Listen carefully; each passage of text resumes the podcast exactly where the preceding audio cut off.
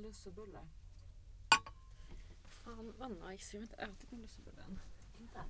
Jag tänkte om jag skulle köpa en till dig faktiskt. Men, Men du gjorde inte det. men sen var det så. Oj. Jag sa jag kanske inte gillar lussebulle. Det är så jobbigt att ge någon någonting som den sen... Inte vill ha. Nej, Eller det är liksom- sant. Men lussebulle är en sån här konstig eh, vattendelare. Mm, vilket är helt sinnessjukt. Så man, alltså man tror att det är liksom det, det som skulle vara den verkligen så minsta gemensamma nämnaren för alla människor att gilla det. Men det är verkligen inte det. Men jag vet, det är det som är så jävla sjukt. Fattar inte hur man inte kan tycka om saffran. Men jag älskar lussebullar. Jag brukar äta liksom Då vet jag det flera kilo. Flera kilo. Nästa, Så som man mäter lussebullar mest Ja. vanligt. inte antalet utan i kilo. Jag tänker ungefär hur många det är. Okej. Kan inte jag få lite? Det där ser så himla gott ut. Tack. Ja. Det borde jag verkligen. Äter upp ta, du kan ta det. Är du säker? Ja. Tack. Jag har en bar och en banan också. Mm. Det blir till ätande avsnitt. Det är så himla perfekt mellanmål. En lussebulle. Mm. Mm. Och Det är bara som ett väldigt... Det är som ett bröd där pålägget är liksom i brödet. Sant. Mm. Mm, gör det mjukt. Det var min uh, lussebulle-spaning.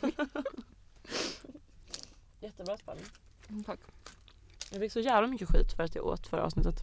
Men, Jag förstår det. det jag lyssnade själv, det lät ju jätteäckligt. gud, jag tänkte inte ens på det när jag lyssnade. Inte? Okej, gud vad bra. Alla jag är förstår inte varför folk vill att vi ska vara så piskade. Nej. Mm. Låt två kvinnor leva, säger jag. Verkligen. Det är som, vi spelar alltid in en sån mellanmåltid också. Mm. Jag vet, det är verkligen mitt emellan lunch och middag. Okej,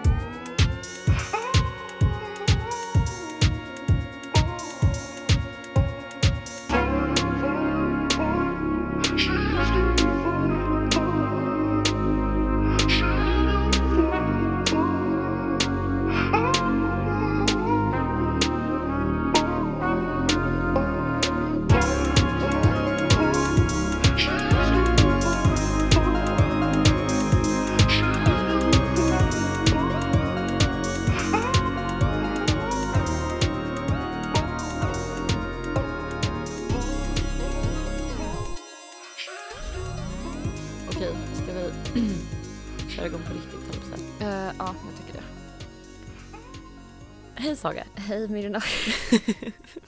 Vilken konstpaus. Verkligen. Hur är läget med dig? Jo men eh, det är... ehm, jo egentligen så är det bra. Eller jag har PMS. Ja. Jag har insett att vi har kommit in i en sån fas där jag verkligen varannan vecka har ägglossning och varannan vecka har jag PMS. Men hur kan du ha det varannan vecka? Det låter inte alls så som en, man tänker sig att en menscykel Inte, ska vara. inte ägglossning typ i mitten och PMS är liksom i slutet. Men du menar alltså att du har, för att du måste ju få mens någon gång också. Du kan ju inte bara ägglossning PMS, ägglossning PMS varannan Okej men man vecka. har väl PMS har man väl när man har mens också eller? Ja, Ja. det har man väl. Men jag är liksom, när vi, den här veckan när vi spelar in så har Ja. jag PMS. Nästa Ja. vecka när vi spelar in kommer jag ha typ ägglossning. Eller kommer vara i de, eh, Just det. den tiden på månaden ish. Liksom. Och eh, enligt sådana typ eh, biologister, vad är det som händer när man har ägglossning? När man har ägglossning så är man, mår man bra bara. ja, just det. Ja, Och det är ju bra. eh, trivs med sig själv. Mm. Och när man eh, har PMS så gör man inte det så mycket. Det är också det är en grej som jag har tänkt på som jag varje år liksom, med vintern lyckas glömma. För jag sa ju det, min cykel gick sönder nu när jag var på väg hit. Och det är så jobbigt. Men då var jag tvungen att liksom bära alla mina grejer som jag Mm. med mig.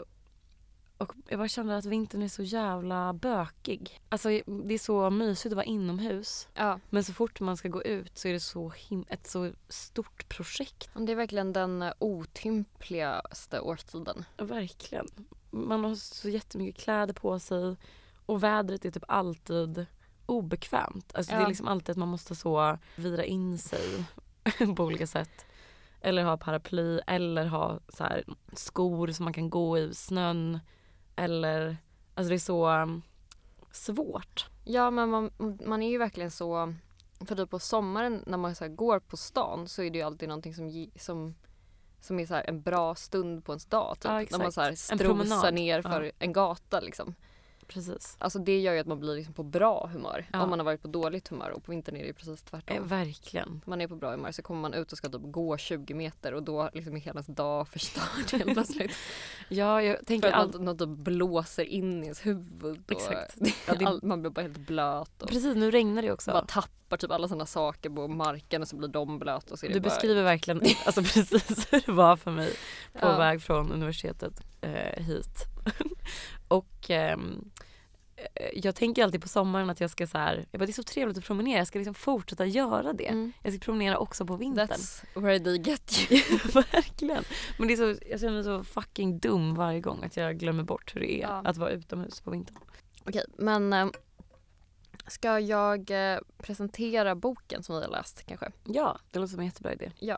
Vi har ju då nu till det här avsnittet läst Vitt slödder av Karina Rydberg som kom i augusti i år. Mm. Och det här är ju den första boken hon har skrivit på sex år tror jag. Sex år? Var Ja, det inte ännu mer? Var det inte Vänta. 16 år? var det 16 år? Ja, det Mm. kanske det var fan.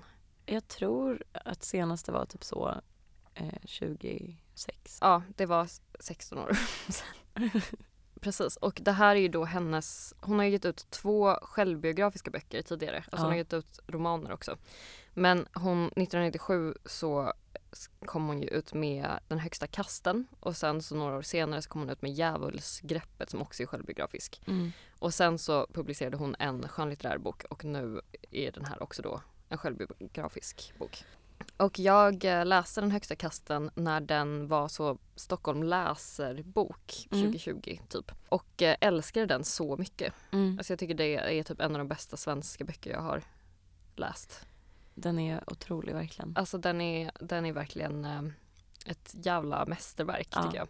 Håller med. Så då var jag ju ganska sugen på att läsa den här boken. Mm. För att jag har inte läst något annat av henne för att jag typ tyckte att de här skönlitterära böckerna verkar lite... Men det, alltså jag gillar ju liksom det självbiografiska Mm. i den högsta kasten så jag har varit ganska ointresserad av de här skönlitterära böckerna typ. Mm. Och den här är ju då en ganska kort bok. Den är bara typ runt 150 sidor. Mm. Små sidor får man säga. Alltså väldigt, eh, inte så tätt skrivna sidor. Och den här handlar då om hennes eh, uppväxt Mm. Den högsta kasten handlar ju liksom om hennes, alltså den utspelar sig då under 90-talet Mm. och under bara under så några år då under hennes liksom vuxenliv Mm. på 90-talet.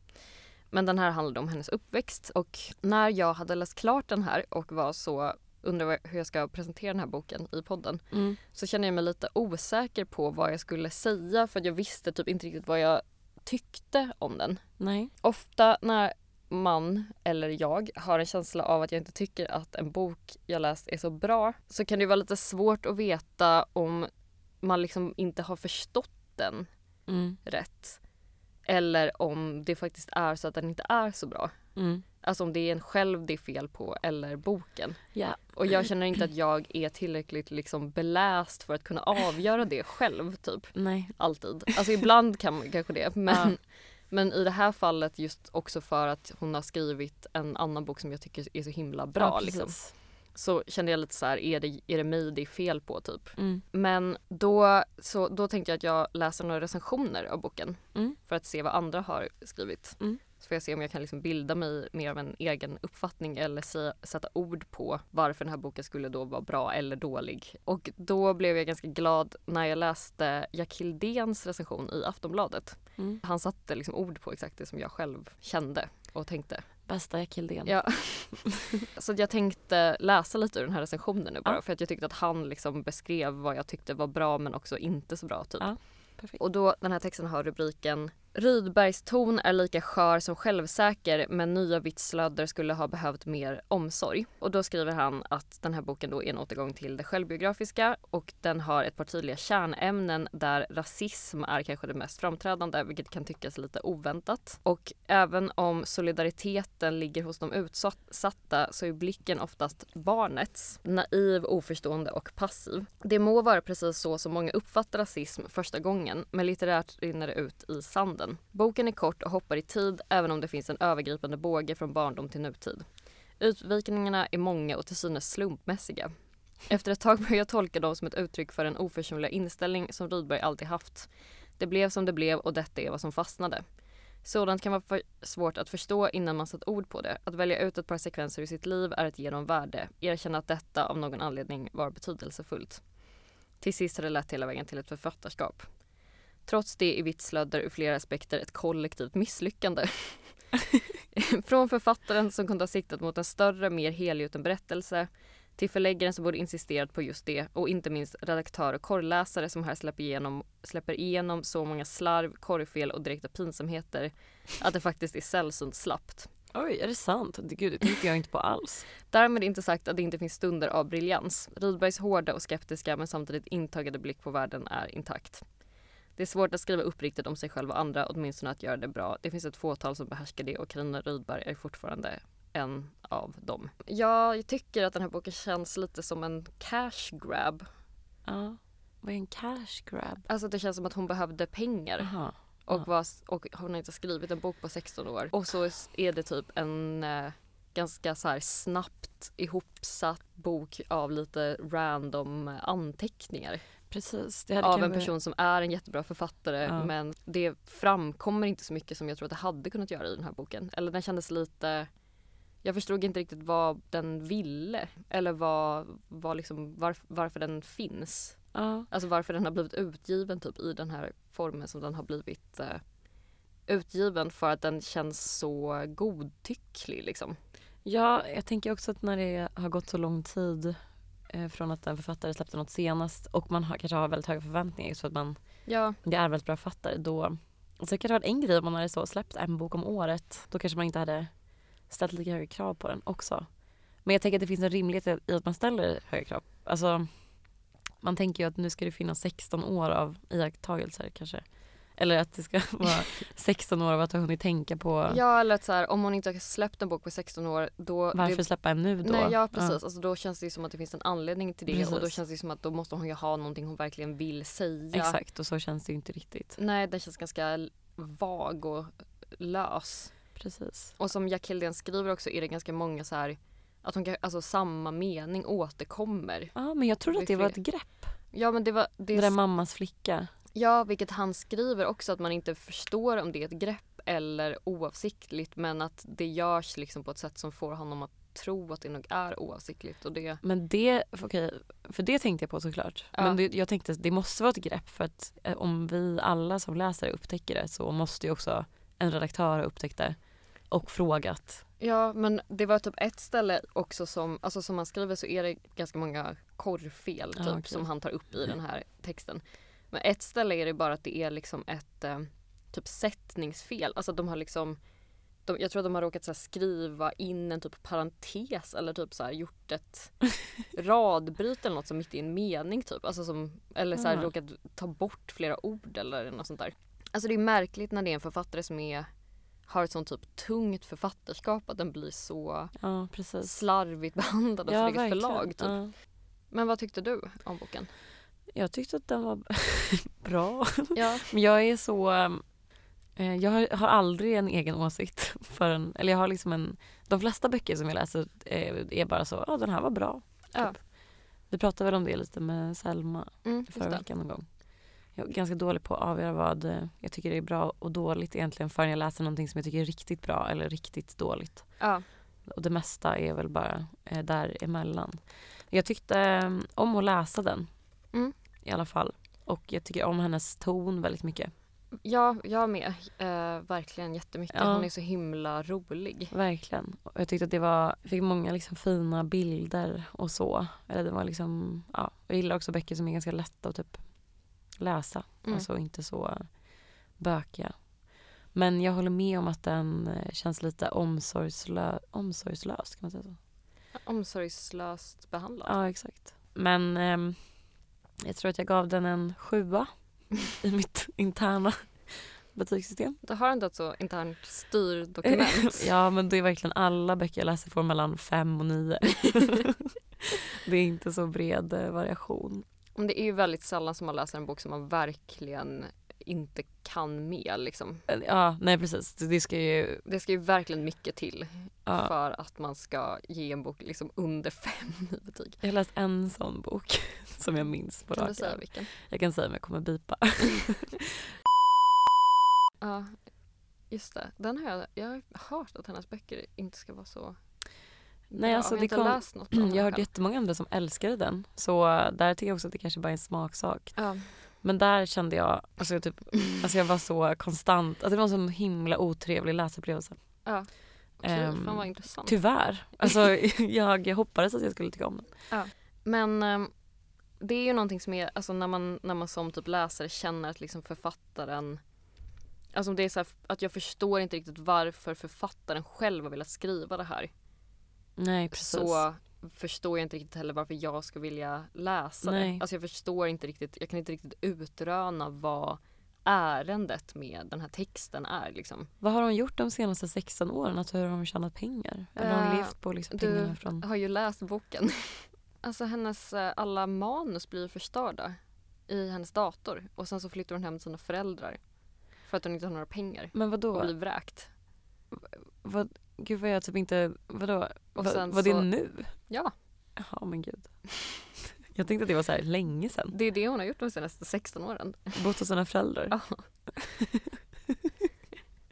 Ja. Ehm, varav eh, spoiler alert, den ena begår självmord på ett helt eh, sinnessjukt sätt. ja det var ju faktiskt ändå intressant. Eller det var intressant hur odramatiskt hon fick det att framstå på ett sätt när det var så, sånt jävla sjukt självmord. Ja, hon är ju väldigt så här, osentimental på gränsen till det typ absurda. Ja. Alltså hon har ju, har ju en sorts liksom, absurdistisk, så här, Ja. osentimental humor som är väldigt eh, så här, drastisk och rolig. Typ. Ja, men det, det, det, det gillar man. Alltså Mm. lite som vi pratade om när vi läste Kritan femma-boken så var det som att det behandlade väldigt destruktiva mörka ämnen utan att kännas så här jobbigt.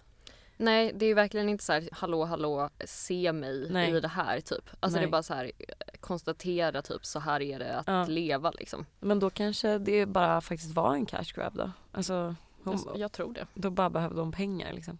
Men det Hoppas behöver att inte, bra. ja men det behöver inte vara dåligt. Nej. Det vet jag typ att eh, dagarna, dagarna, dagarna Ja, började som också. just det. Just det, exakt. Ja, den är roligt att den handlar om att behöva fixa fram pengar också. Precis. Var det mycket det Tone behövde göra också. bra skrivande kan komma ur eh, nöd. Som Tone Definitivt. sa, apropå den boken.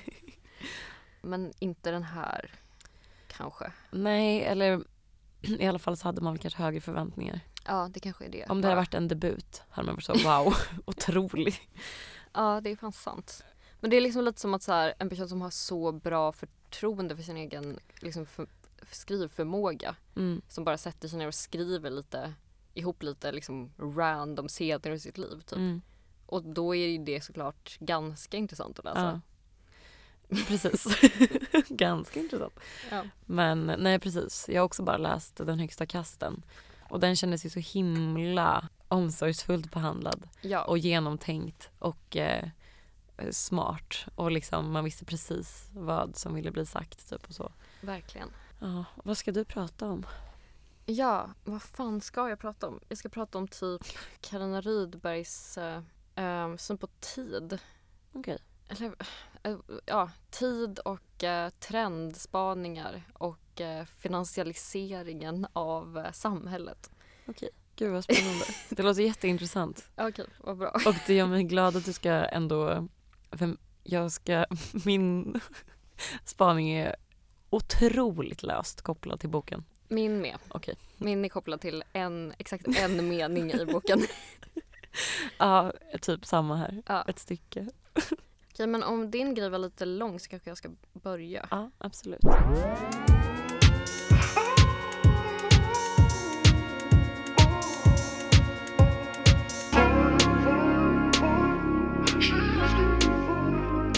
Finns ju någonting som kallas för den klassiska dramaturgiska modellen. Ja, den där valen. Som är den valen.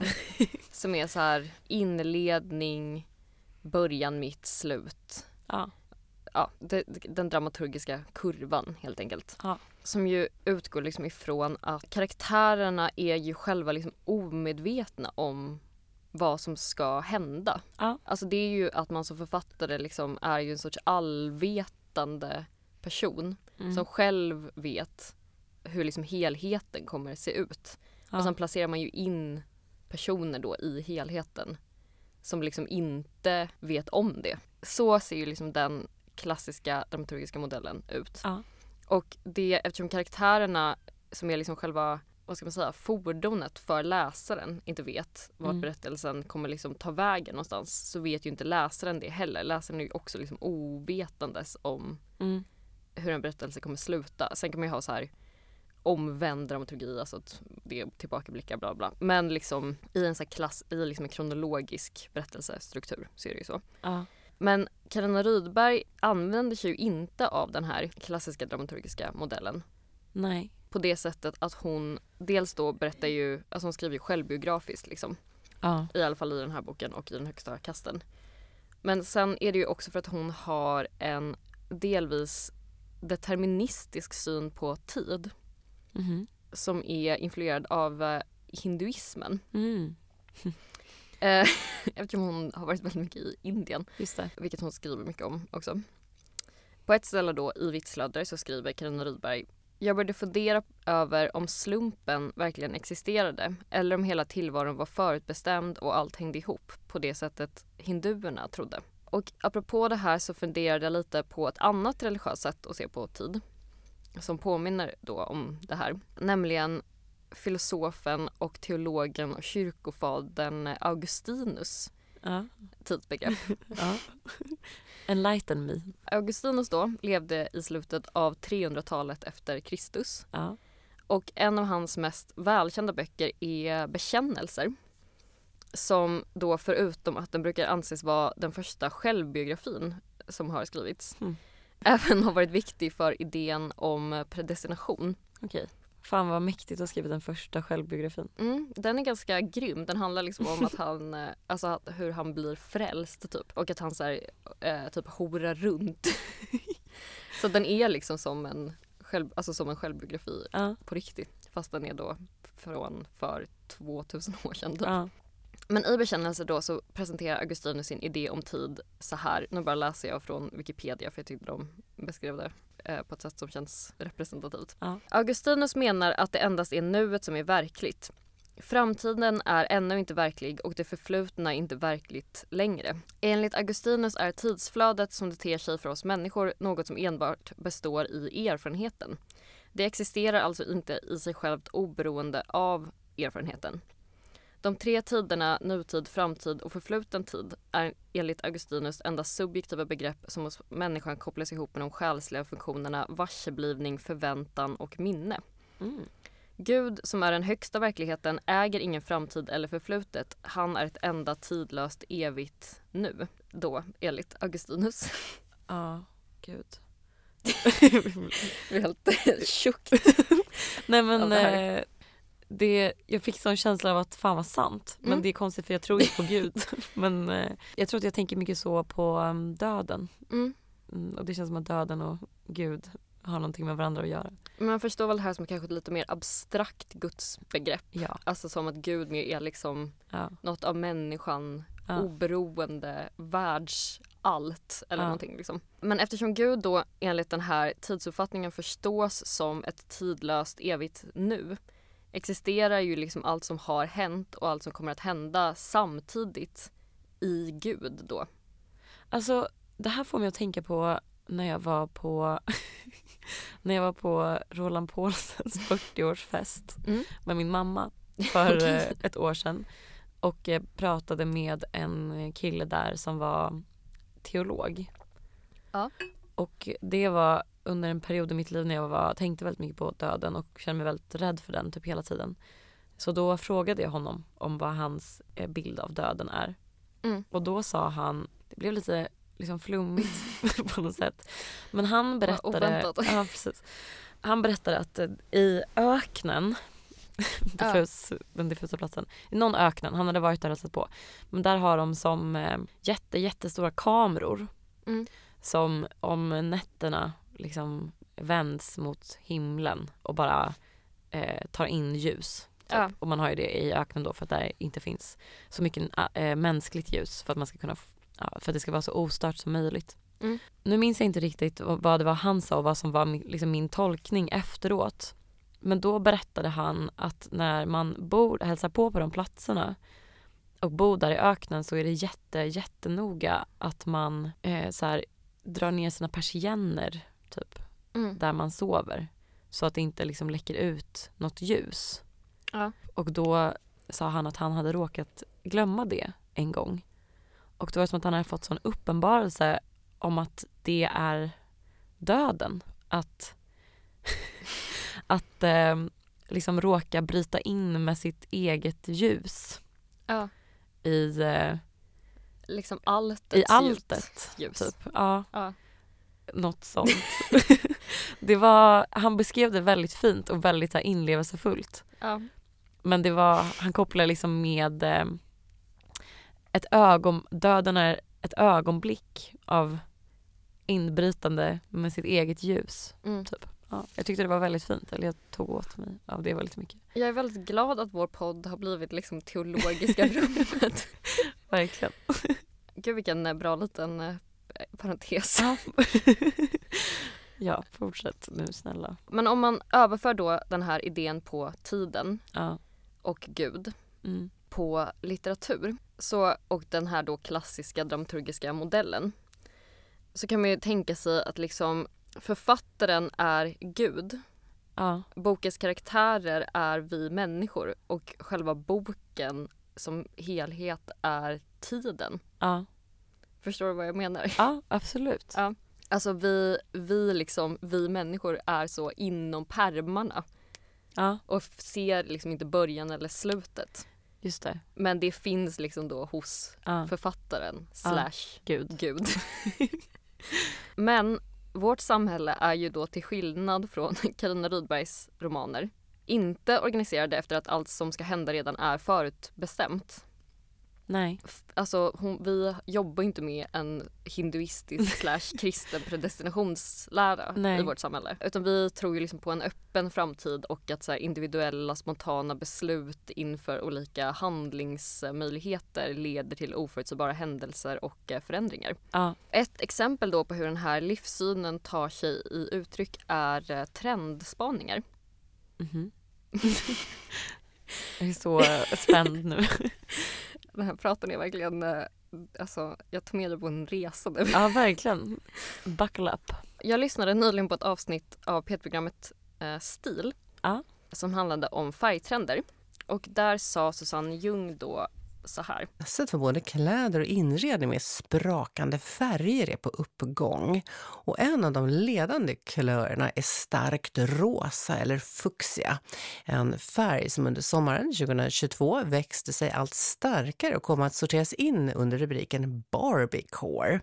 För en del av populariteten beror på bilder som släpptes från en kommande film där Margot Robbie spelar just Barbie. Ryan Gosling har rollen som Ken.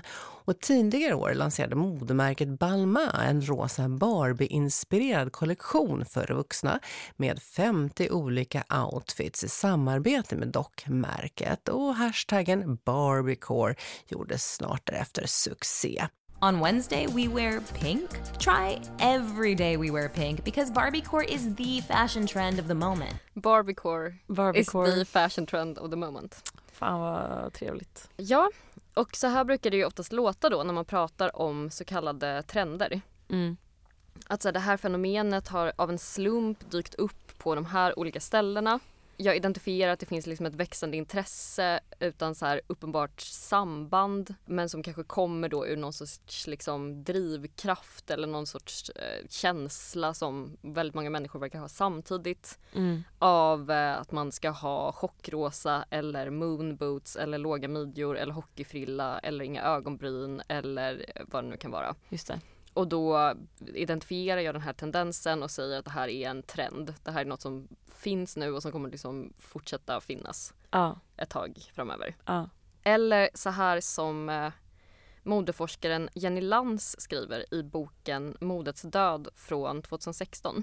Berättelser om mode och trender så som de presenteras för oss i böcker, bloggar och tidskrifter har en tendens att fokusera på bärarna hur en trend, till exempel tofflor, uppstår när unga i en stadsdel, låt oss säga Park Slope, börjar ses i dem. Och trenden sedan tar fart och sprids organiskt, det vill säga via sociala medier till andra delar av världen och någonstans, låt oss säga i Shibuya, kanske omtolkas så att tofflorna även bärs i nyare material.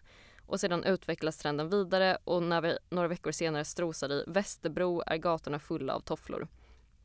Lättillgängliga, sockervaddiga historier som vi alla begriper. Ingen känner sig lurad, industrin är helt frånvarande och anses bara vara reaktiv. Just det. Eh, men om det är så här trender fungerar, att de liksom är drivna av slumpen och enskildas nycker och individuella smak Ja. och att industrin bara är helt liksom reaktiv och plockar upp trender så pö om pö från bärarna Ja. kan man ju fråga sig varför allt mode blir mer och mer likriktat. Just det. Alltså för att om man går in på typ Zara eller H&M eller något annat företag som ägs av H&M Ja. eller Our Legacy eller Hope eller Prada, alltså Ja. man bara tar ett litet varv i Stockholm city typ, Ja. så ser ju liksom kläderna på alla de här ställena i princip likadana ut. Ja. Alltså det, det är liksom samma, och då menar jag inte så här alla ser likadana ut, alltså jag menar att de ser bokstavligen nästan likadana ut. Ja. Alltså det är så samma snitt, samma färgskala, samma modeller, samma liksom plagg som nästan är iden- identiska i typ design och vart de har tillverkats någonstans. Mm. Om man jämför med bara för kanske så 20 år sedan där det kanske ändå fanns så här skillnader, alltså olika klädmärken kanske jobbade med helt olika typer av färger eller material Ja. eller silhuetter eller någonting liksom. Ja. ja, att det fanns ju mer kanske, ehm, ja den här klänningen är väldigt Dior. Precis. Klassisk Dior-klänning. Alltså om man tittar på så här Prada, Dior och typ Jean Paul Gaultiers kollektioner från så Ja. 1995 Ja. är det liksom tre helt olika sätt att klä sig på. Exakt. Men om man tittar på typ Zara, H&M, Prada och Hopes kollektioner från i år är det liksom samma Samma kläder. grejer. Ja, just det. Och det är inte bara som att liksom, det var då kanske på 90-talet eller när man nu vill jämföra med men vi säger 90-talet att H&M typ så snor Hopes eller Filippa K's designer Nej. som de i sin tur snott av något liksom mer exklusivt modehus. För deras alltså, kläder ser också helt identiska ut sinsemellan. Ja, just det. Alltså de mest exklusiva modehusens kläder ser likadana ut. De liksom mid-range Ja. ser likadana ut och de billiga ser också likadana ut. Ja. Alltså de ser likadana ut på alla nivåer Ja. liksom. Det är ju nästan som att alla kläder liksom skärs ur samma mall. Och som sagt så utgår ju den här idén om trendspaningar från att trender är så slumpartade och godtyckliga typ. Och det var också utifrån den här idén som yrket trendanalytiker uppkom under andra halvan av 1900-talet. Okej. När man liksom började frångå mer och mer den här alltså, eh, franska couture liksom, traditionen och typ mode mer och mer började komma från typ USA och eh, framförallt England och vara så här ungdomsdrivet typ och konsum- liksom konsumentdrivet. Mm. Så dök det upp liksom personer inom modevärlden i Europa som fungerade som en sorts schamaner som skulle liksom tyda ut så här, vad, vad kommer bli populärt kommande säsonger. Vad är populärt nu? Vad vill liksom konsumenterna ha för någonting? Just det. Den här sortens verksamhet utvecklades mer och mer och under millennieskiftet uppstod digitala eh, trendbyråer Okej. i slutet av eh, 90-talet Ja. i och med internet typ. Som då inte startades av personer inom modeindustrin utan personer som kom från finans och IT-världen. De jävlarna.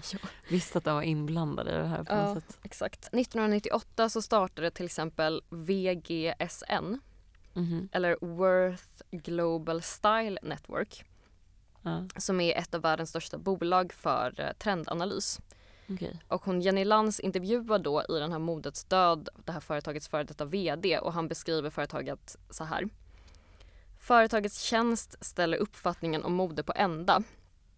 Och han, alltså VDn, drar paralleller till finans och IT.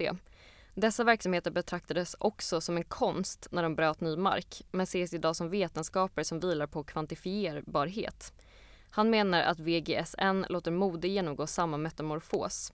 Vi tar något som var väldigt esoteriskt och svårbegripligt och gör det till en vetenskap genom att förse folk med de verktyg de behöver för att göra sitt jobb bättre. Företag som använder då VGSNs tjänster eller konkurrenten, en konkurrent till dem då som är exakt samma företag som heter StyleSite men som 2013 köptes av VGSN Okej. är bland annat LVHM som är ett, så här, ett stort konglomerat som äger typ alla lyxmärken som finns. Okej. Zara, H&M, Ralph Lauren, Prada, Levi's, Forever 21, Abercrombie Fitch eh, och så Ja, vidare och så ja. vidare och så vidare. Och så Ja. vidare. Alltså alla, alla Just det. kläddesignföretag som finns. Använder sig av de här tjänsterna. Ja, det kostar typ 100 000 kronor för en prenumeration där fem personer på företaget får tillgång till tjänsten. Va? Och Jenny Lantz beskriver då den här... Vänta, som- i månaden? Ja. Mm. Eh, och Jenny Lantz beskriver då sin upplevelse av att använda den här eh, tjänsten eller liksom vad den innebär typ. Ja. Det är då att man får tillgång till en hemsida som hon beskriver så här. Vid några tillfällen har jag ett tidsbegränsat abonnemang på VGSN och kan utforska sajten närmare. Den förefaller mig oändlig och jag kan omöjligen skapa mig en överblick av hela tjänsten för det är så många nivåer av information. Kommande trender presenteras på kort och lång sikt under en uppsjö av rubriker med ständiga fördjupningsmöjligheter. Från toppar till blusar till volangblusar till korta volangblusar. Det går alltid att gå vidare och få mer information, fler bilder, fler färg och materialexempel, fler butiksexempel, fler konsumentbeteendeundersökningar, fler mönster på blusarna i fråga. Ett halvår senare går jag runt i butiker i London och är som besatt. Jag tycker mig känna igen allt från VGSN. Det här Mm. är sinnessjukt, tänker jag. Har hela modeindustrin gett tappt? Är vi så lurade? Det kan inte vara en slump. Nej. Oh my god. Fan vilket scoop. ja. Visst är det lite speciellt ändå? Att Verkligen. man typ inte vet om. Jag hade absolut ingen aning om det här. Nej, Absolut Eh, ingen aning. nej, alltså vi lever ju i en finansialiserad värld. Ja. Vilket innebär att liksom nästan alla pengar som är i omlopp i samhället är fiktiva, spekulerade pengar. Just det. Och eh, spekulation bygger ju på skuldsättning Ja. som i sin tur handlar om framtiden. Ja.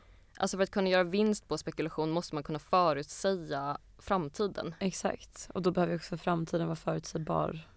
Precis. Därför är det inte så konstigt att VGSNs VD beskriver deras tjänst som en försäkringspolicy. Just det.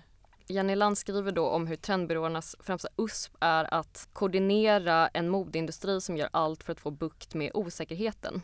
Just det. Eftersom modeföretagen är rädda för att bli sittande med lager av kläder som de inte kan sälja och som är passé säsongen därpå.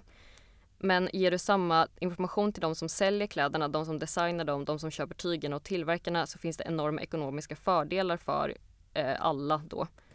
Ja. För alla vet vilka material som kommer att efterfrågas och kan fokusera på dem. På liknande vis kan alla återförsäljare köpa in till exempel lila det ett år och då skapar det en efterfrågan på lila så de kommer kunna sälja hela sitt lager. Idén är att minska felmarginalen i den extremt riskfyllda modebranschen. Just det. Herregud. Fan vad sjukt. Mm. jag blev eh, akut deprimerad kände jag. Ja, men visst är det lite av en aha-upplevelse. Verkligen. Att man förstår. Ja men det är ju därför såklart. Ja. Grejen är att det är ju verkligen inte alla företag obviously som har tillgång till de här tjänsterna. Nej. Men även om man inte har det så är det ju ganska dumt att liksom inte då utgå ifrån samma Alltså att Exakt. göra någonting helt annat. Ja. För jag menar om det bara finns en sak att köpa så kommer ju alla köpa den saken. Ja precis. Och Och då verkar det ju dumt att ta en risk att- och göra någonting helt annat då liksom. Idén med trendbyråer är liksom att kapitalisera på att utradera konkurrens och risktagande. Alltså idealen för hur en kapitalistisk ekonomi ska reglera sig själv ur den kapitalistiska ekonomin. Just det, planekonomi inom... Eh, Ja det är ju exakt Ja. det det är. Alltså, eftersom alla designföretag använder samma tjänster monopoliseras utbudet och därmed minskar riskerna för ens investeringar. precis. Och eftersom trendbyråerna arbetar med att förutspå trender flera säsonger framåt och alla modeföretag använder samma trendbyråer kan modeföretagen känna sig trygga i sina investeringar på framtida trender. Alltså det blir som en självuppfyllande ja, profetia. Liksom. Ja. Och nu är det ju snart eh, nyår då, vilket innebär att det kommer dyka upp så en biljard olika trendspaningar och eh, typ in-ute-listor Just det. I sociala medier och poddar och så. Ja. Men kläderna vi bär och liksom sminket vi sminkar oss med och frisyrerna vi har och eh, jag vet inte, möblerna vi köper och Ja. vad fan det nu kan vara liksom, är ju som sagt bara någonting som bestäms utifrån ett homogeniserat utbud som i sig är en självuppfyllande profetia. För löftet om framtidens pengar infrias bara om alla gör som trendbyråerna säger. Modeföretagen förverkligar sina egna framtidsförutsägelser i sina produkter varpå vi konsumenter tar in vår omvärld och gör spaningen att trenden vuxit fram slumpmässigt och organiskt. Just det. Det är ju liksom lite så om man om jag ska gå tillbaka till den här ganska haltande analogin. I början är det liksom trendbyråerna som är författaren modeföretagen är boken och vi är liksom de dumma, dumma karaktärerna. Som bara tror att det finns ett nu Precis. och ingen... eh, Som inte fattar att så här, allt är skrivet ja. i sista sidan Just det. av eh, ett så multi eh, liksom nationellt konglomerat. Ja. Det är därför, eller så är ju allt i en, en kapitalistisk logik. Alltså det är inte konstigt att det är så här också. Det är bara Nej. som att, det är klart att man har fattat att, att det är så på ett sätt. Men just det som du sa med att så här, för att kunna göra vinst måste man kunna förutsäga framtiden. Mm. Och därför är det liksom direkt destruktivt för systemet som det är om något oväntat inträffar. Eller något annat, att, verkligen, eller att framtiden skulle bli annorlunda på något sätt. Än, än det som är nu. Ja. Det är väl också därför det är så svårt att typ förändra samhället. ja, alltså. För att allting i samhället i sig självt bygger på att det inte ska gå att förändra. Det är Alltså- liksom en del av logiken. Ja, och att liksom framtiden redan är kolonialiserad Mm. av eh, finansvärlden. Ja, de är redan där och härjar. Alltså framtiden måste liksom motsvara nuets förväntningar för det finns otroligt mycket kapital Ja, låst exakt. till Precis. De framtida, att de framtida förväntningarna ska realiseras. Liksom. Exakt. Och då måste man bara skapa den framtiden som man har investerat i. Ja, så bra att de kan göra det också. Ja, det är att de har den så himla smart. Det är så himla bra att man bara har den makten i sin Exakt. eh, lilla hand. Det är ju som eh, svenska politiker som så lagstiftar fram en marknadsskola och sen bara går och arbetar i den. Och tjänar jättemycket pengar. Det är också så Perfekt. intressant typ med eh, sociala medier eller liksom tech Ja, miljardärer att ehm, det finns ju en sån idé om att liksom det som händer på sociala medier är att typ man, ens beteende blir liksom registrerat. Ja, och att ehm, typ sociala medier då sen, eller hela internet som ägs av de här företagen liksom använder den informationen för att sälja saker till en typ. ja, Men det är inte det som händer, det är att de styr ens beteende. ja, exakt. Alltså det handlar inte om att de vill förutse vad man kommer vilja ha i framtiden. Det handlar om att de vill bestämma vad man ska Ja. vilja ha i framtiden, vilket de också gör. Exakt. Det gör de. Ja, Ja. okej. Men gud vad, eh, jag känner mig upplyst. Mm, vad bra. Både andligt och eh, materiellt, Intellektuellt. intellektuellt på alla sätt och vis. Ja, gud vad eh, glad jag blir. Ja. Okej, och nu kommer min, eh, min desto luddigare prata. Får se om jag lyckas upplysa någon.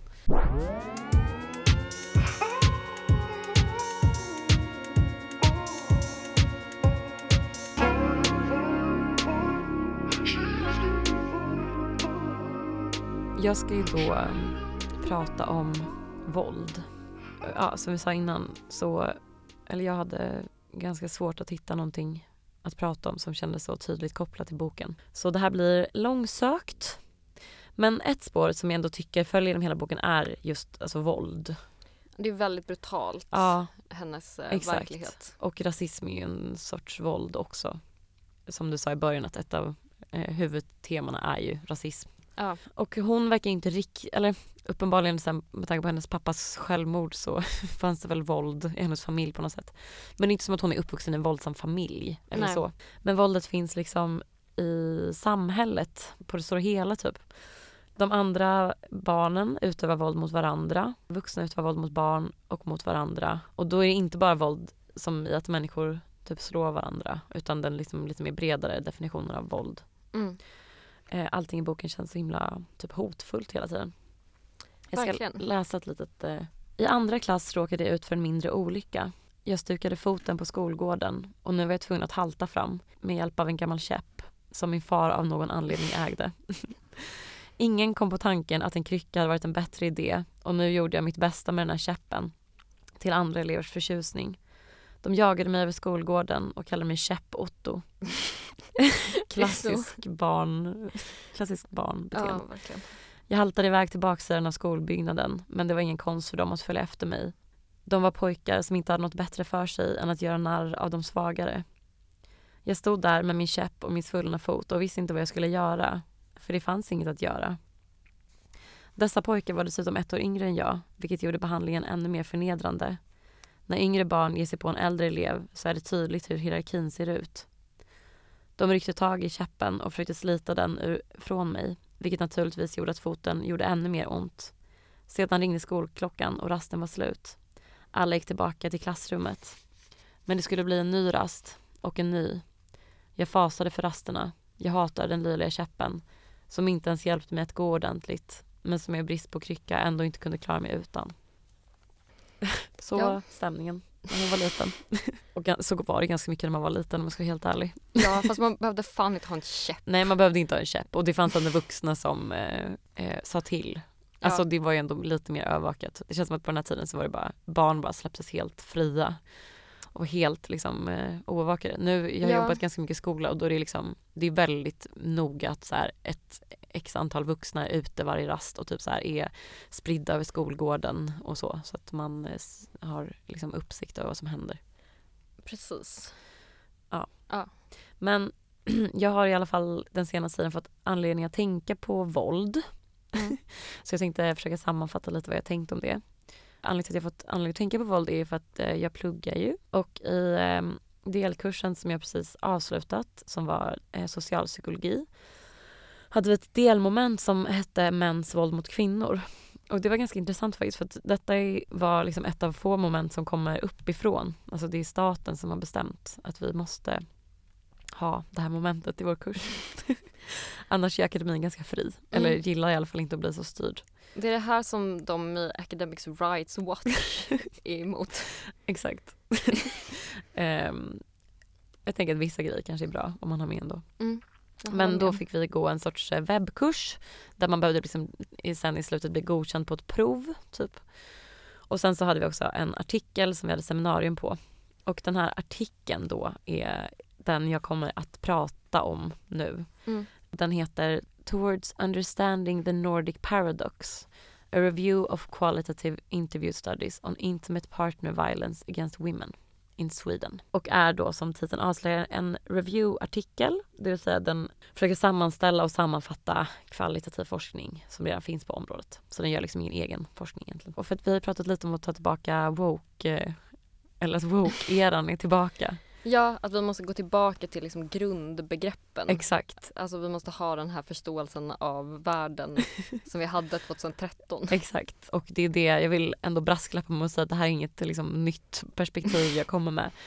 Eh, utan det är ett nygammalt perspektiv. Vissa grejer är nya, vissa grejer är extremt gamla men bortglömda och eh, värda att eh, påminnas om. Vet du vad The Nordic Paradox är?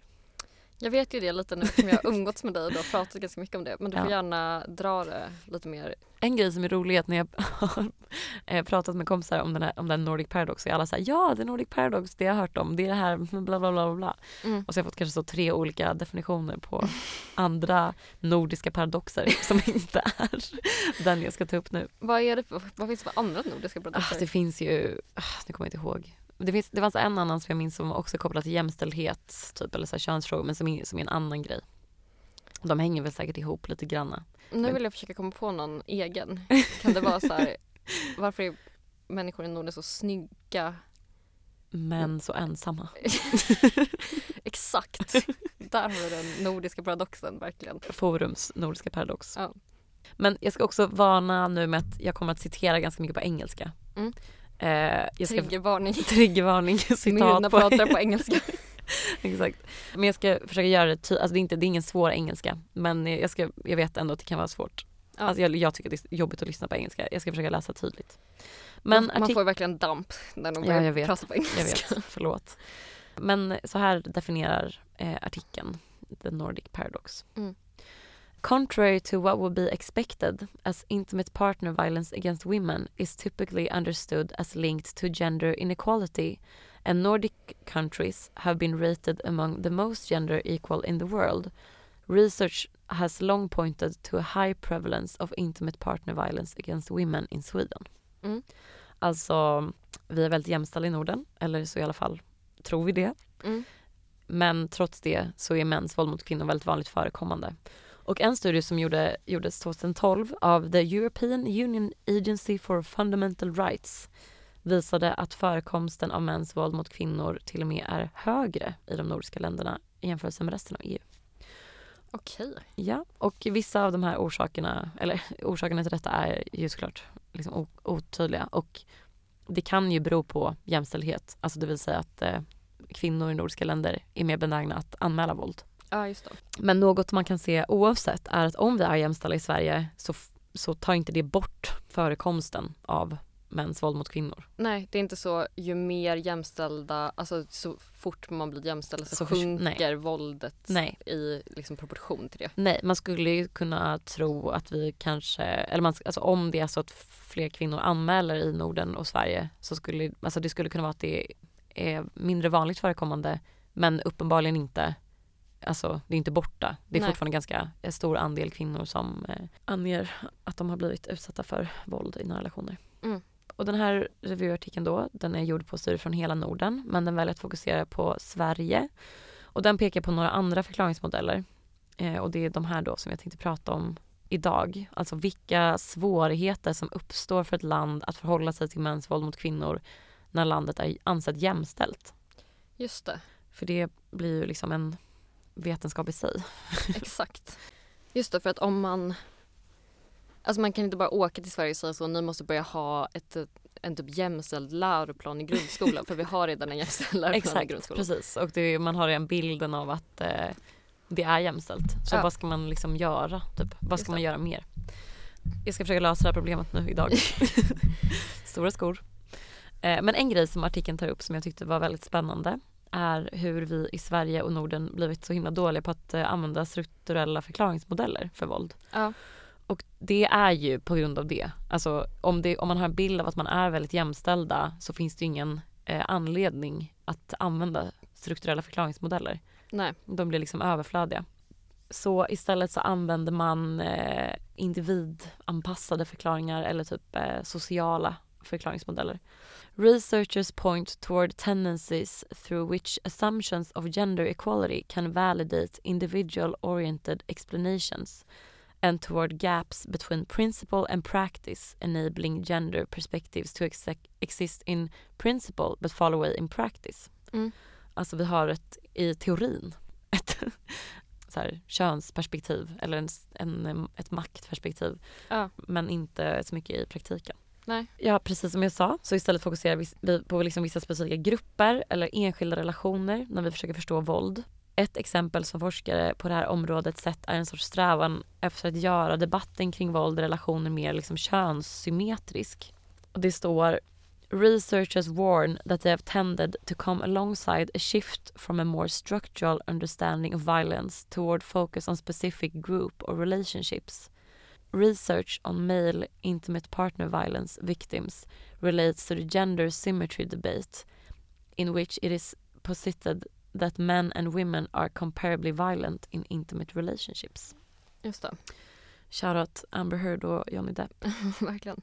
Men så är det såklart inte. Och även om det var så, så säger studier också att manliga offer för våld i nära relationer inte upplever samma nivåer av kontrollförlust eller rädsla jämfört med kvinnliga offer. Och detta beror på att women generally do not have the same ability as men to reinforce societal inequalities through, for example, economic or sexualized violence. Och det var lite det vi pratade om på middagen i tisdags. Att även om män är i, med en våldsam kvinna så har kvinnor på det stora hela oftast inte samma möjligheter att eh, utöva våld. Nej, För att de har oftast inte den ekonomiska makten och oftast inte den sexuella makten. Alltså det är svårare för en kvinna att våldta en man ja. än tvärtom. Och även fast man såklart ska ta, alltså, eller det här betyder inte att man inte ska ta män som utsätts för våld i nära relationer på allvar. Men jag tycker ändå att det är intressant att det finns studier som visar att just upplevelsen av våld i nära relationer skiljer sig väldigt mycket åt från, eh, för män och kvinnor. Och det beror ju på att det fortfarande finns strukturella skillnader mellan män och kvinnor. Men man kan ju inte jämföra de två eh, liksom, samhällsproblemen. Nej, Eller det är det, helt ena är ju olika. ett samhällsproblem och det andra är ju inte Nej det. precis, det är ett problem. Det är ett problem för, verkar vara mer ett problem för enskilda individer. Ja, exakt.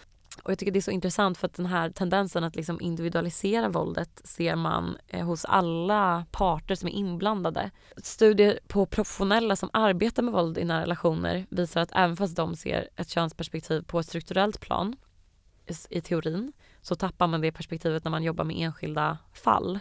Ja. och man anser att de är mer komplexa. Kön och makt tas oftast inte upp och mäns våld mot kvinnor framställs as a problem of individuals.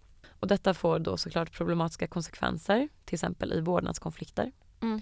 Och inom sjukvården så kan man också se att det finns en övergripande förståelse för länken mellan mäns våld mot kvinnor och ojämn maktfördelning mellan könen.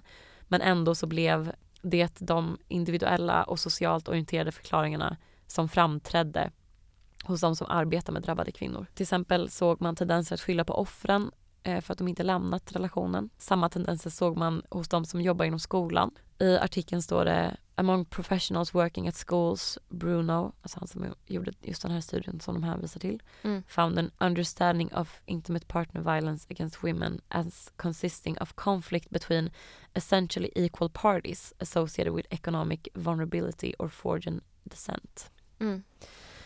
Så det är ju det som händer när man eh, tror att det är jämställt. Ja. Att då måste det ju bero på de enskilda kvinnorna. Eller de enskilda männen för den delen. Men eh, det är inte bara eh, professionals som har den här synen på våld utan också kvinnorna som själva eh, drabbas av våldet.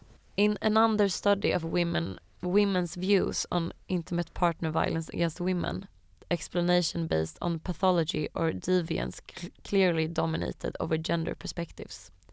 Alltså kvinnor förklarar mäns våldsamhet med att de är sjuka i huvudet typ. Eller att de är liksom avvikande på något annat sätt. Snarare än att använda sig av könsrelaterade förklaringsmodeller. Ja.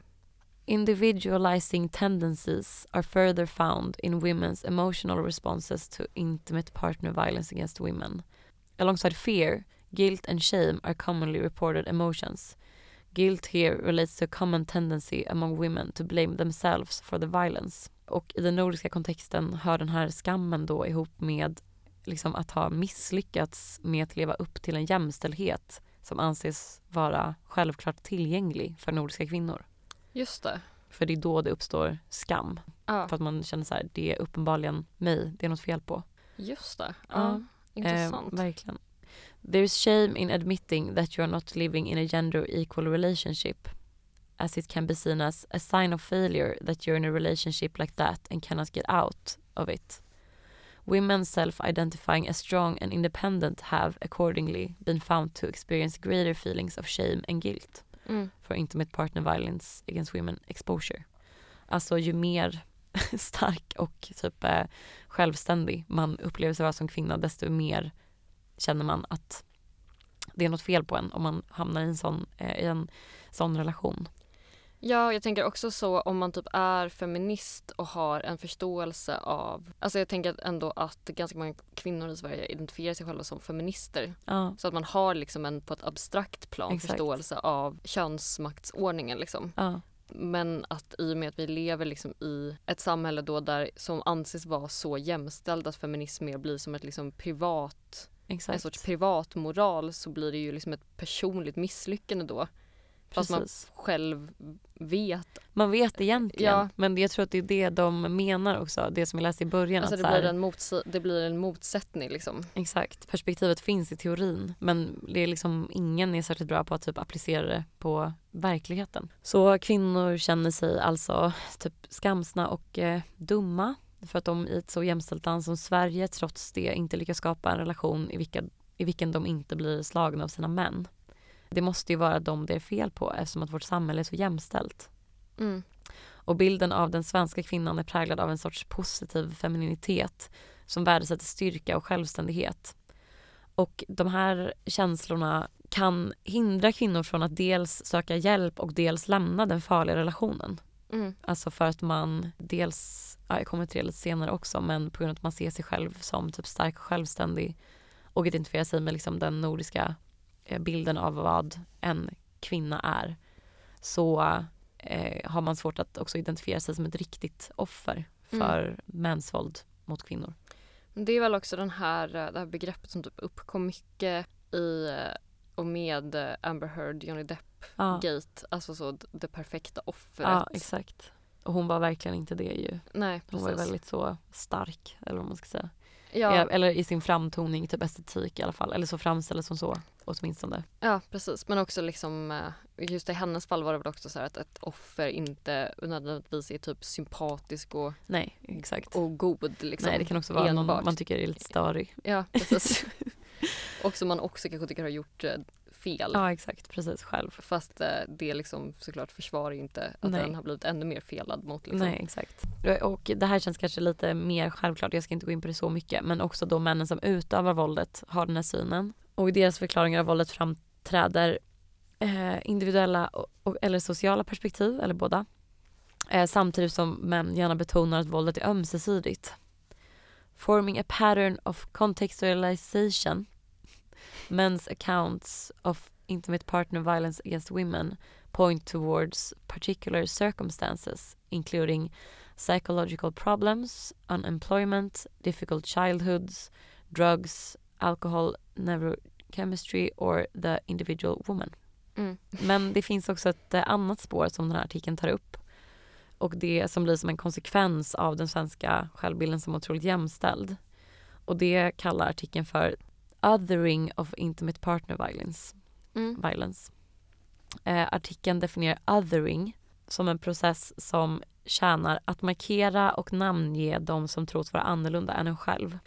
Several sources under review have noted tendencies towards making intimate partner violence against women into something of an other in Sweden and neighboring Nordic coun- countries.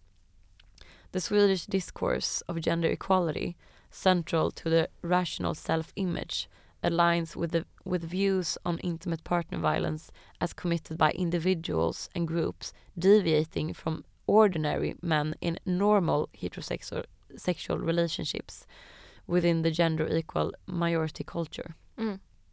Det uppstår alltså en, ett eh, dikotomiskt förhållande mellan en vanlig man och en kvinnomisshandlare i Just det. Och våld mot kvinnor i nära relationer ses främst som något som utövas av män från andra kulturer och eh, från andra tider. Ja. Och detta tyckte jag blev otroligt tydligt under metoo-rörelsen. Att det fanns liksom två parallella och egentligen helt motsatta narrativ. Alltså dels att våldet mot kvinnor är otroligt vanligt och utövas av alla olika typer av män. Mm. Samtidigt som de typ namngivna männen monsterifierades och såg som otroligt avvikande eller till och med typ ondskefulla. Just det. Men vi kan inte ha både bilden av att så här, det är ett strukturellt problem som gör alla män, eller väldigt Nej, många precis. män i alla som fall. också så här, kanske befinner sig, alltså det är på en skala. Där, men den skalan är ju liksom en sammanhängande skala. Ja exakt, det är inte två olika saker, det är samma sak. Ja. Eh, och kanske ju mer makt en man har desto mer, det är mer tillgängligt för honom att eh, utöva den här makten. Eller såklart, alltså ju mer makt man har desto lättare är det att utöva makt. Ja. Det finns alltså en bild av att de män som utövar våld är någon annan. Trots att studies clarify that a large number of intimate partner violence against women, perpetrators and survivors are indeed of native Nordic origin. Mm.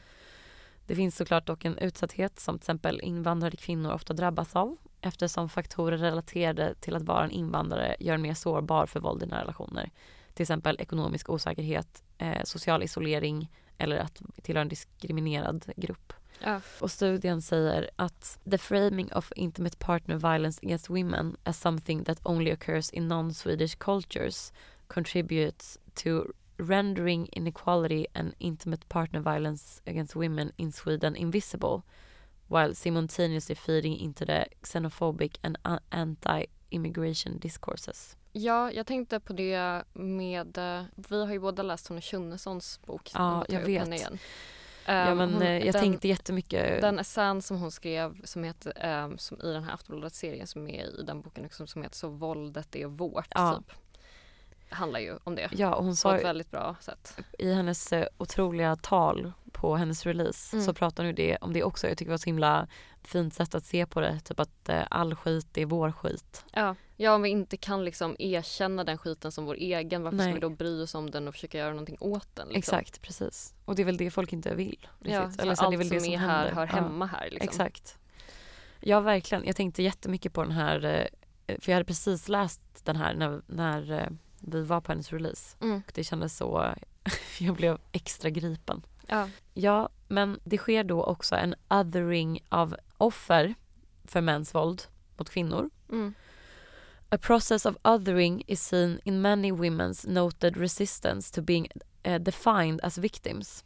Det här är roligt eftersom att det finns en sån bild av att tjejer vill vara offer. Det. Det är verkligen tvärtom. Particularly resistance is observed among women who are highly educated and self-perceived as strong. Alltså lite det jag sa innan då. Och studien kopplar detta både till en normaliseringsprocess som sker i en våldsam relation men också till detta othering-fenomen. Att motsätta sig offerrollen associeras med en ovilja att avvika från den här positiva femininitetsnormen som finns i Sverige. Det blir därför svårt att interagera bilden av ett offer för mäns våld mot kvinnor med sig själv, eller med sin självbild. Också för att det finns förutfattade meningar om vem ett offer för sånt här våld är. Mm. While making it difficult for women to conflate intimate partner violence against women victimhood with self, preconceptions of victims alongside assumptions or expectations of gender equality can thus create obstacles for identifying and reporting intimate partner violence against women in Sweden. Och den här bilden av vem ett offer är gör det också svårare för kvinnor som faktiskt anmäler våld, alltså det som vi sa innan med eh, Amber Heard till exempel, att få upprättelse eller juridiskt stöd för att de inte passar in i bilden av vem en misshandlad kvinna är. Mm. Women who act in accordance with the helpless ideal victim have had better chances in legal proceedings, while women who show agency and initiative risk having their victim status undone. Men jag skulle vilja prata lite om hur jag tror att vi kan angripa det här problemet. Mm. För det är ju nämligen så här att till och med bland män som frivilligt deltar i rehabiliteringsprogram för män som varit våldsamma mot sina partners Ja. finns en otrolig motvillighet att identifiera sig som en intimate partner violence against women perpetrator. Okej. Alltså bara 20-30% av männen som alltså frivilligt deltagit i sådana här program erkänner att de är våldsbenägna individer. Okej. Ja. Ja, okej. Ja, det uppstår en dissociation. Eh, Männen skiljer på jaget och attributen hos de som antas vara riktiga förövare. Men även mellan det riktiga jaget och våldshandlingarna. Ja. Fear of being pointed out as an intimate partner violence against women perpetrator of becoming the other has hindered men from disclosing their violence. Mm.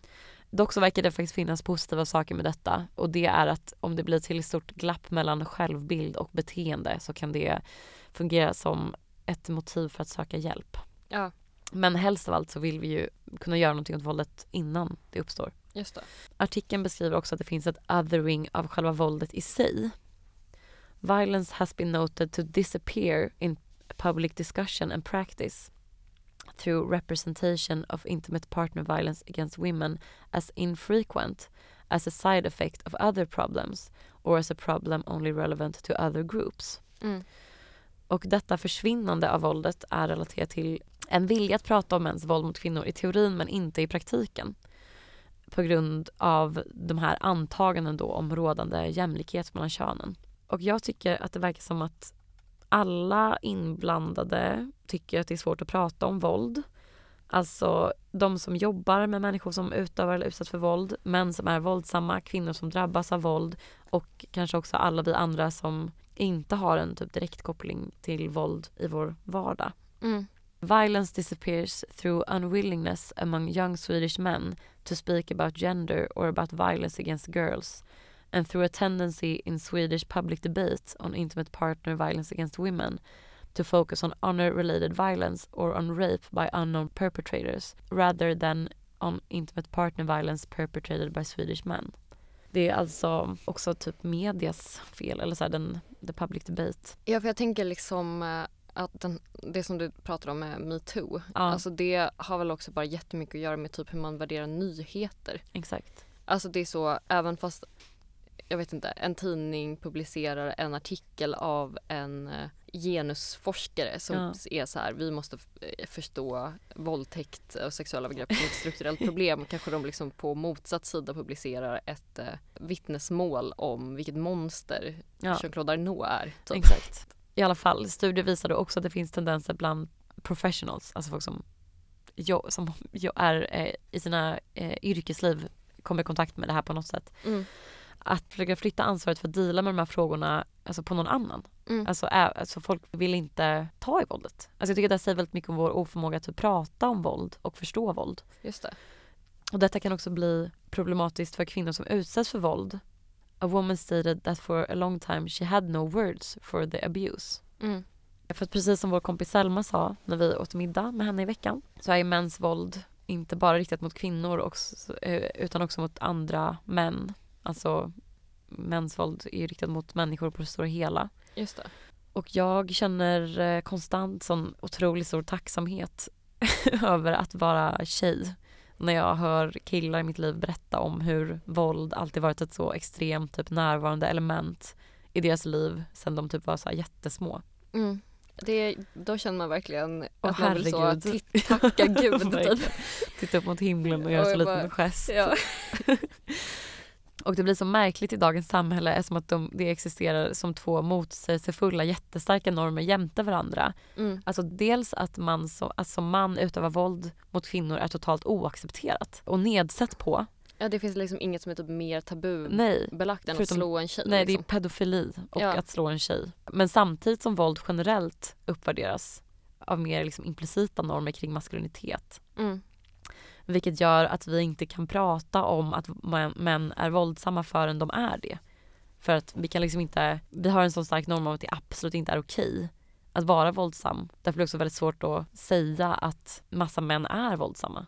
liksom. Ja, det tror jag, jag har för mig att Ola sa det här i något avsnitt av Ja. ja. samhällsutveckling. Att han var så här, ju, alltså just den grejen att det är svårt om man är man typ. Ja, Hur man ska få ihop det att det är så här, ja, typ sexuella övergrepp är det jättenormalt, alla Ja. har blivit utsatt, eller normalt men det är väldigt Ja. väldigt vanligt och utbrett, alla har blivit utsatta för det. Det är liksom alla typer av män kan begå sexuella övergrepp och det är någonting som vi måste prata om men samtidigt är det så här du begår eh, liksom socialt självmord Om du pratar, skulle prata om det. exakt. Precis. Alltså du liksom dör i samhällets ögon. Ja, i våra implicita normer är våld väldigt liksom normaliserat på ett sätt. Eller eh, det hör ihop med maskulinitet väldigt mycket.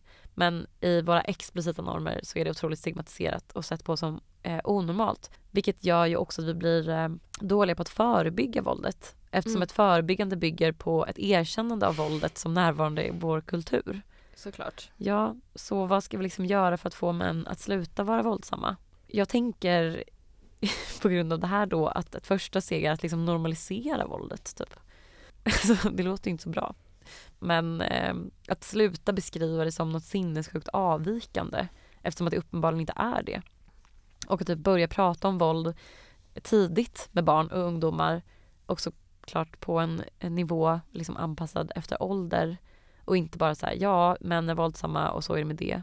Men kanske försöka skapa ett språk runt våldet Ja. för individer så att man kan tänka på våld och typ tänka på hur ens egna förhållningssätt gentemot våld är. Just det. Alltså bara göra det liksom, göra, ja men skapa ett språk för det. Alltså så att man eh, fattar vad det är överhuvudtaget typ och vad man kan säga om det. Mm. Studien säger In contrast to studies from other countries expressing high levels of acceptance of intimate partner violence against women among men, the reviewed studies point to a low or no, no acceptance of intimate partner violence against women among interviewed male perpetrators. Thus, non-acceptance of intimate partner violence against women coexists alongside the strong Swedish gender equality discourse with actual exertion of intimate partner violence against women. Just det. Alltså det jag precis sa, att det finns en no, low or no, no acceptance av mäns våld mot kvinnor och relationer samtidigt som det finns då en ganska högt utövande av mäns våld mot kvinnor. Men då i länder som, att i andra undersökta länder så finns det en hög acceptans för mäns våld mot kvinnor. Ja, Alltså från männen då. Ja. Att de är så, det är okej att slå Ja. sin tjej. länder som är mindre jämställda. Ja. Ja, och då Just det, för- blir det inte lika tabubelagt. Alltså då kan man ju säga så, ja jag slår min tjej. Alltså om det inte Ja. är Men då, normbrytande. jag vet men jag menar by- bygger inte det på att hela samhället då tycker att det är mer acceptabelt och att det är mycket svårare att, få hjälp? Jo, alltså att man inte, har kanske kvinnojourer. Ja, ja, så. alltså det är inte bra. Alltså, jag, jag menar inte att vi ska ha det så, alltså det är accepterat att, att män slår kvinnor. Nej. Men jag tänker, nej alltså det, det är inte den- vad jag argumenterar för. För det är liksom bara att det känns som att den här paradoxen är ganska svår att lösa. Ja, För att liksom, man vill inte normalisera det så mycket att det blir normalt. för hela idén är väl liksom att genom att förändra en norm så kan man förändra ett beteende. Ja, Alltså det har varit en ganska stark del av liksom svensk jämställdhetspolitik. precis. Alltså och genom då att skapa en väldigt stark norm av att mäns våld mot kvinnor är absolut förbjudet så tänker man väl att det ska Exakt. minska praktiken men om det inte gör det utan det bara blir en sån sjuk kognitiv dissonans Ja. där alla håller med om att det är fel men, det ändå händer. sluta. Exakt. Men, och Så precis. är det lite så, vad, vad, Ja. vad gör man då? Jo men eh, alltså det är för att vi har ju bara förändrat den övergripande normen eller vad man ska säga. Ja. Men vi har ju inte förändrat normer kring hur vi uppfostrar män och pojkar. Alltså de, vi har ju fortfarande väldigt patriarkala ideal för maskulinitet. Och det är väl det som, alltså det är det som måste förändras. Alltså man kan Ja. inte bara vara så, uppfostra män och pojkar på ett visst sätt och sen när de blir vuxna vara så här, ja ah, nu har ju ni i och för sig lärt er att ni har eh, rätt att vara våldsamma och att det till och med uppvärderas av samhället. Men by the way, det är inte, det är, det är inte alls okej och du kommer att bli socialt utesluten om du är våldsam. Men för det jag tänker är liksom att den här idén om att det är så fruktansvärt fel att slå sin tjej. Ja, I den erkänner man ju ojämlikhet liksom. ja, För att man erkänner ju att så här, den ena är svagare än den andra ja, i relation till liksom både fysisk styrka och eh, makt typ. ja. Ja men det är det vi har i det här perspektivet i teorin. Ja. Det är bara att det verkar vara liksom i, när det väl, när man väl hamnar framför en person Mm. eller personer som är inblandade i det här på något sätt så är det tydligen mycket svårare att liksom eh, se det perspektivet. Och Ja. också på ett strukturellt plan, alltså så här, hur ska vi förändra det här? Alltså det handlar ju om att vi måste eh, förändra könsnormer. Ja, Alltså det är det som måste förändras. Inte Ja. normer kring huruvida det är rätt eller fel att slå sin tjej. nej. Liksom, för det kan jag hålla med om. Alltså, men det är bara en förlängning av könsnormer. Alltså könsnormer handlar ju om en miljard andra saker också. Liksom. Här kommer ett till citat. Hydén argues that intimate partner violence against women should not be regarded as an expression of individual men's personal characteristics or impulses, but as a product of Swedish norms pertaining to masculinity and marriage.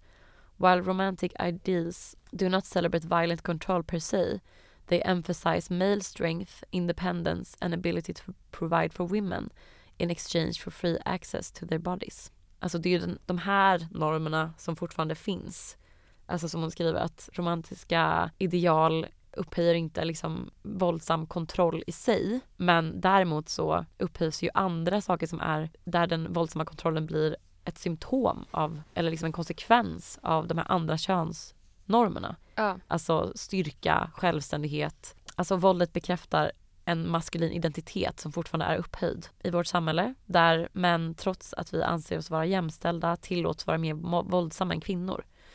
För så är det ju. Alltså, jag tänkte på det bara när jag jobbade i skola också att så här, även fast vuxna reagerar på när pojkar är typ leker våldsamt och så så är det ändå som att det är så här, ah, okej, är ni båda med på det? Verkar, båda verkar genuint tycka att det är en rolig lek att brottas typ. Ja. Okej, då får ni göra det. Medan det skulle vara, alltså om jag såg två tjejer göra det hade jag bara, vad fan är det som pågår? Just det. Typ, vad håller ni på med? Ja. Alltså det här, alltså det skulle kännas så himla mycket konstigare. Man bara har ju sån bild av att det är mer normalt för män att vara våldsamma.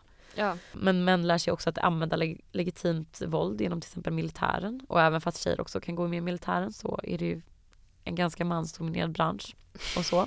Och är också förväntade att dominera för att få makt och kontroll. Det förväntas också av dem att de ska hålla tillbaka sin empati till fördel för tävlingsinriktan till exempel. Och aggression is perhaps the only emotion accepted as part of masculine expression. Och man kan väl säga att så här, vissa av de här sakerna är väl på väg att förändras Ja. kan man väl hoppas. Och att som Selma också sa på vår middag, man kanske kan plocka frukterna av det här av en förändring som ändå känns som att den håller på att ske i framtiden typ. Mm. För att överhuvudtaget kunna lösa problemet som är mäns våldsamhet behöver vi erkänna våldet och hitta ett språk för det. För jag, jag tycker det känns som att feminismen liksom länge har handlat om, alltså den har varit så himla så här inside movement typ. Mm. Där det känns som att det har handlat om att kvinnor ska lära sig värdera sig själva och så här, se sig själva som starka.